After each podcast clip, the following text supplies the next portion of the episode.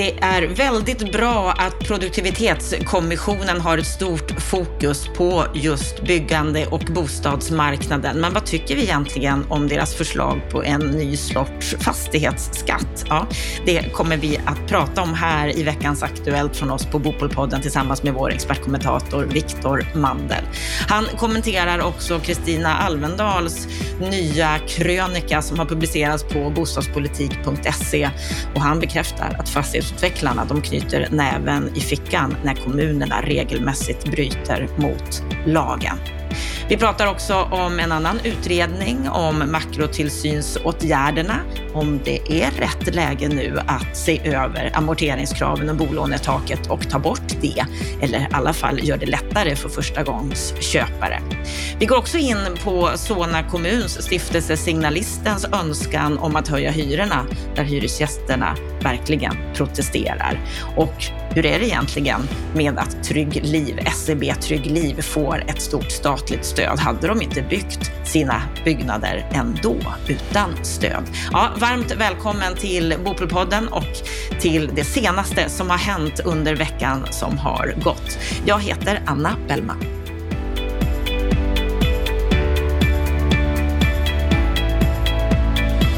Och vi börjar ett mycket innehållsrikt veckans Aktuellt med den så kallade produktivitetskommissionen som regeringen tillsatte i våras under ledning av Hans Lindblad som tidigare bland annat har varit statssekreterare under Anders Borg. Han intervjuades om den här produktivitetskommissionen i Dagens Industri häromdagen.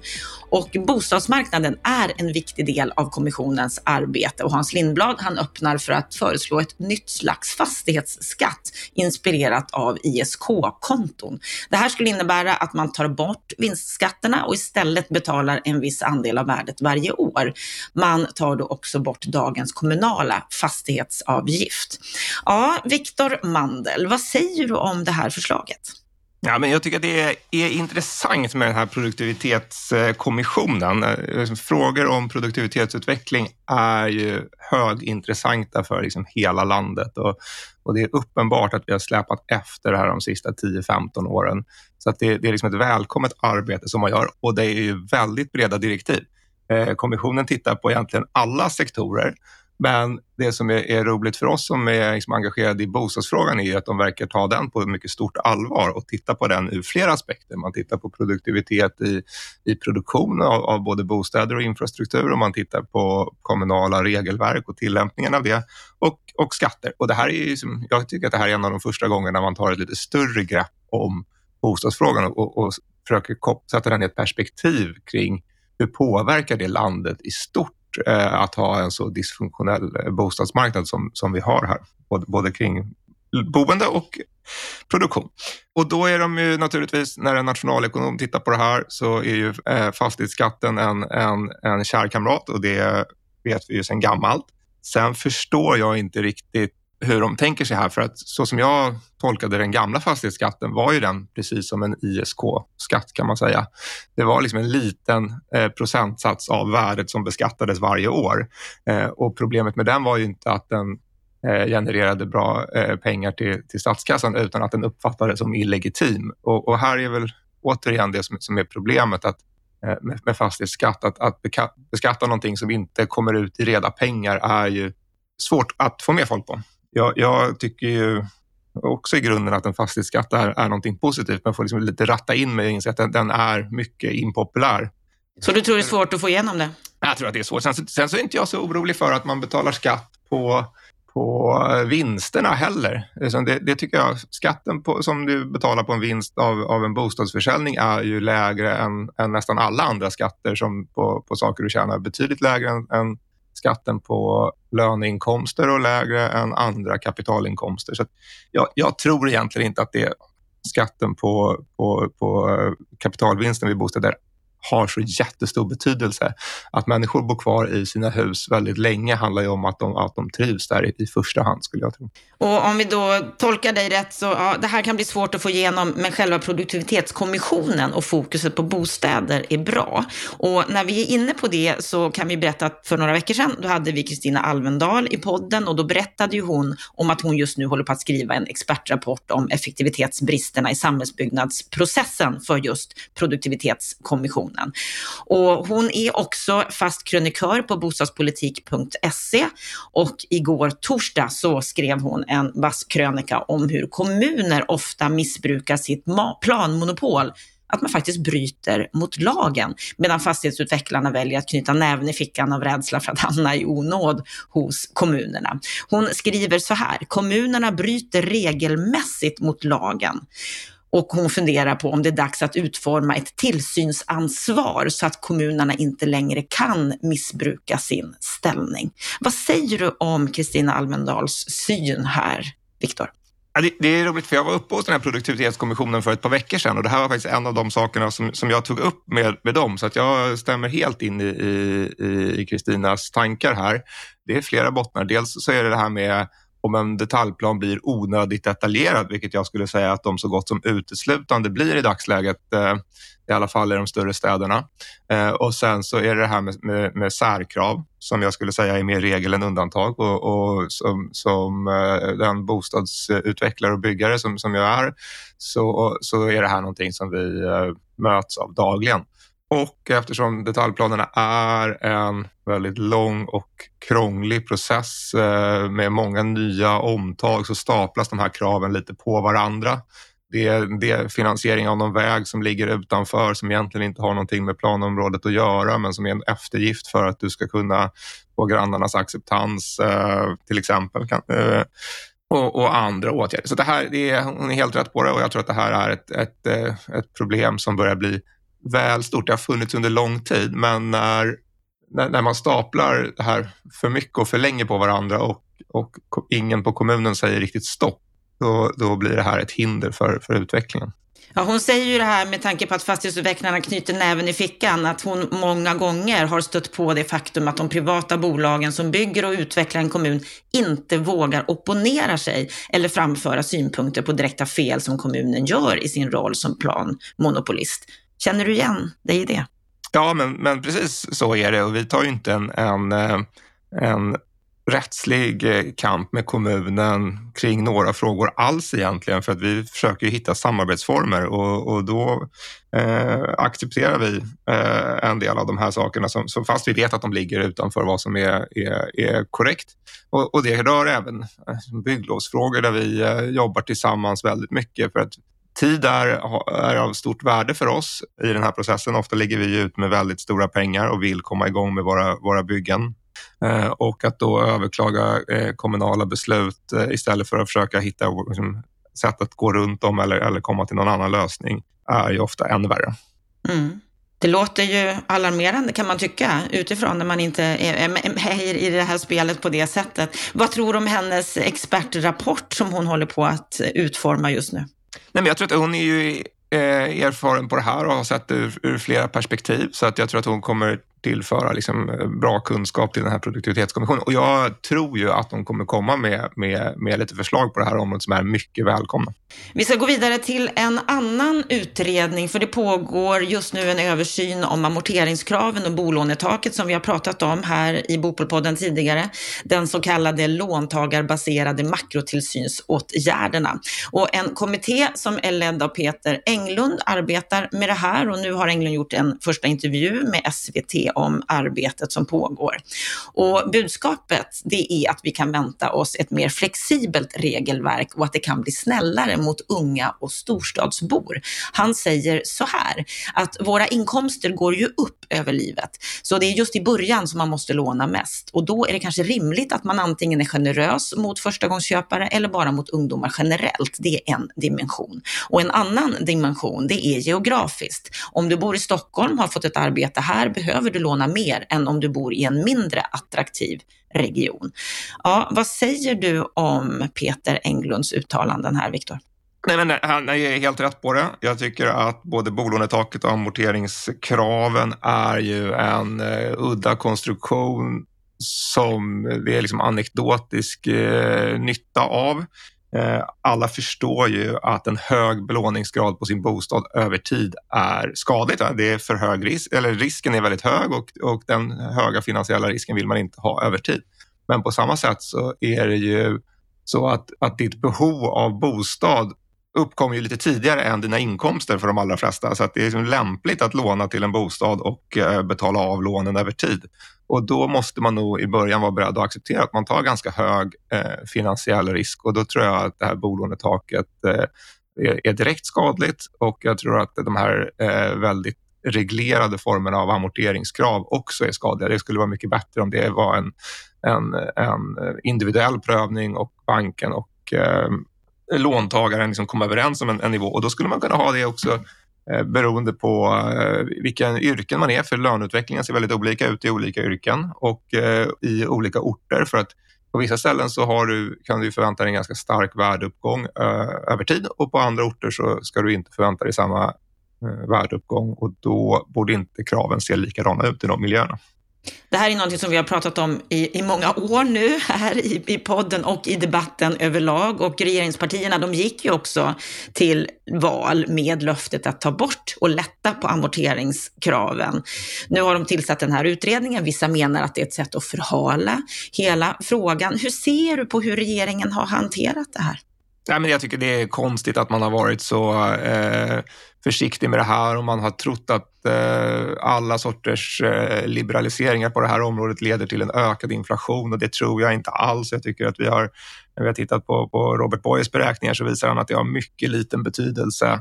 Eh, så att här eh, förstår jag inte varför regeringen har varit så försiktig med det. Samtidigt så är vi ju en miljö där liksom effekten av det här är inte särskilt skadliga utan direkt nyttiga. Du, du behöver eh, hjälpa människor in på, på bostadsmarknaden. Mm. Så det här skulle kunna vara en fråga de skulle kunna genomföra ganska direkt och inte vänta till nästa höst. Ja, det är väl, det är väl ungefär så fort som beslut kan tas. Ja. ja, vi får se om det händer något om ett år. Ja, vi ska gå vidare till en annan nyhet. Det handlar om Solna kommuns stiftelse Signalisten. Där har man i flera år tyckt att hyrorna i området Råsunda har varit alldeles för låga jämfört med andra lägenheter i området. Och sedan 2019 så har de drivit en process i hyresnämnden om att det ska genomföras en bruksvärdesprövning av 578 lägenheter. De vill ha höjningar på mellan 9 och 74 procent. Snitt snitthöjningar på 25 procent för de här lägenheterna. Men de som bor där, de protesterar ju såklart. De har bildat en lokal hyresgästförening. De trycker på att fastigheterna, de har inte renoverats överhuvudtaget nästan på 20-25 år. Vad säger du om den här situationen i Solna? Ja, men det här är ju en effekt av det hyressättningssystem vi har, att eh, hyran beror eh, på lägenhetens bruksvärde. Och Eh, är det så att, att bruksvärdet är högre än vad, vad, vad din hyra är så kan du ha en process om att höja hyran på samma sätt som eh, hyresgästerna kan vara trygga i att de inte betalar en oskäligt hög hyra utan de kan göra en prövning eh, och, och få ner den om, om, om det har blivit fel åt andra hållet. Så att det här tycker jag är, är helt naturligt. Sen är det ju så det här, det här förekommer. Solna har ju varit, stått ut eh, Eh, gen, gen, över åren som ett ställe med ovanligt låga hyror och särskilt då inom signalisten. Så att, att, att problemet uppkommer där på så många lägenheter är inte, är inte överraskande, men sådana här brukvärdesprövningar förekommer ju på olika ställen hela tiden. Eh, och ofta skulle jag säga, i min, min erfarenhet i alla fall, att hyresgästerna har varit mycket väl medvetna om att de har betalat en lägre hyra än för jämförbara lägenheter i närområdet. Så att det brukar liksom inte vara en så stor fråga. Sen så får man hitta sätt eh, så att det inte blir... Eh, man ska inte liksom, meningen är ju inte att skapa problem i folks privatekonomi på kort sikt utan man får hitta liksom, intrappningsmodeller som gör att det blir rimligt att komma in i den här nya korrekta hyran. För att, för att det är ju helt avgörande att, att det blir liksom en rättvis och eh, korrekt hyressättning. Mm. Hem och hyra, de skriver om det här och de, de ger ju också exempel på vad hyreshöjningarna skulle komma att vara. Och de menar att det skulle ligga på någonstans mellan 1300 och 1600 kronor per kvadratmeter och år. Ja, det är vad hyran ska bli ja, när, när, ja, när, um, när man har gjort de här höjningarna. Uh, mm. Och det är, väl, det är väl rimliga hyresnivåer uh, i de Man ska också tänka att alltså, i Råsunda, det är också ett mycket populärt bostadsområde. Du har bostadsrättspriser på ungefär 70 000 per kvadratmeter. Så att det här är ju en eh, mycket privilegierad hyresgästskara som, som bor där. Då. Vi ska gå vidare till en annan hyrestvist som precis är avgjord. Det är SEB Trygg Liv som får 40 miljoner i statligt stöd. Länsstyrelsen de tyckte först att de inte skulle ha fått något stöd för att de hade för höga inkomstkrav på de boende. Det här var något som åtgärdades efter att Länsstyrelsen sa till, men då hade de första hyresgästerna redan flyttat in.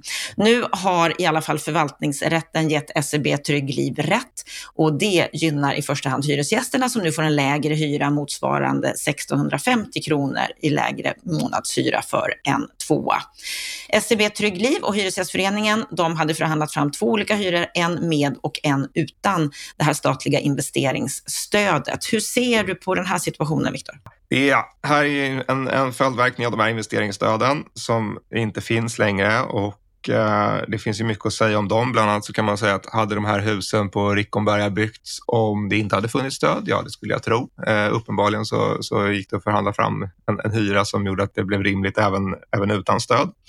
Eh, men den andra biten är ju hur slarvigt Eh, investeringsstöden har utformats tycker jag eh, lagmässigt. Det finns mycket stora oklarheter både kring hur utbetalningen ska gå till, vilka krav som ställs eh, och hur det ska fungera. Och jag skulle säga att det tillämpas lite olika av, av olika länsstyrelser i, när, när de här besluten fattas. Eh, och också i hur eh, investeringsbesluten, eller hur, hur det togs bort är också liksom en, en lagstiftningsmässig katastrof där man satte eh, begränsningsdagen eh, efter det man hade sagt först. Att det var liksom massor av ansökningar som kom in eh, under december men sen satte man att det var bara in ansökningar före 7 december eller sånt där som skulle få bli beviljade. Så det är liksom slarvig hantering tycker jag från, från statens sida, hela lagstiftningen kring det här investeringsstödet. Och det är samma sak kring presumtionshyra. Så jag tycker många av de här bitarna eh, som rör bostäder, det är liksom en, en ogenomtänkt lagstiftning och det, då blir det sådana här liksom osäkra konsekvenser samtidigt som investeringarna är ju extremt långa och skulle behöva väldigt klara regler. Mm, det är ju många som håller med om att investeringsstödet, det ska inte finnas i den här formen som det har funnits precis av skäl som du nämner. Samtidigt så är det också många som efterfrågar någon typ av statligt stöd, för vi måste få igång byggandet. Det måste ske någonting i den här speciella knasiga situationen som vi är i. Hur ser du på det? Skulle vi behöva något annat form av stöd från staten? Ja, där är det ju, har ju man ju olika syn på, på det. Många är ju förespråkare för att någon form av produktionsstöd skulle behövas. Jag eh, tror ju inte det. Jag tror att det eh, leder till de här miss, eh, skadliga effekterna som inte är långsiktigt positiva utan jag tror ju att för att få ordning på byggandet så, så, så är det liksom hyressättning som eh, behöver eh, ses över hur det går till och du behöver se över planprocesserna så att de inte blir eh, onödigt komplicerade och, och långdragna som vi var inne på innan. Och jag tror att kommunerna ska planera mer mark i, i förväg och då eh, kommer det på sikt lösa sig, men, men, men liksom på tio år så kommer det inte bli någon skillnad. Eh, och det tror jag inte att ett stöd gör heller mer än liksom ytterst marginellt. Vi ska avsluta veckans Aktuellt härifrån Bopolpodden med att den norska investeringsfonden Norse Lab har startat en ny fond som ska investera i nordiska fastighetsobligationer.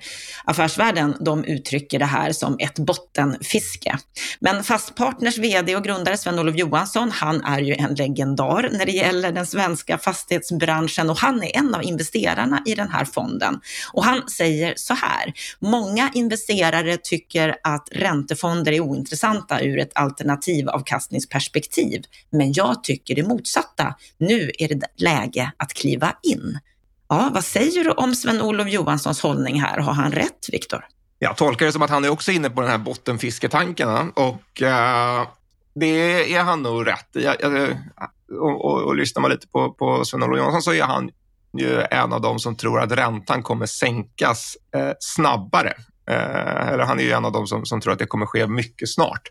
Och då är det klart att köpa eh, de här obligationerna som är ganska högavkastande i grunden och dessutom till kraftig rabatt som man kan få tag i i alla fall mindre mängder till kan ju framstå som eh, väldigt attraktivt. Så att jag tror att det är ett intressant segment att vara i och jag tror man ska vara väldigt selektiv med vilka av de här obligationerna man, man, man investerar. Men, men tar man de som har det finns eh, en del obligationer som handlas till stor rabatt, men jag tror att sannolikheten för att de, de betalas tillbaka till fullo på utsatt A är väldigt stor och då är klart, då ser förhållandet mellan risk och avkastning väldigt attraktivt ut. Så jag antar att det är det han är ute efter. Mm, vad tror du om obligationsmarknaden överlag? Kommer den öka i, i den här tiden?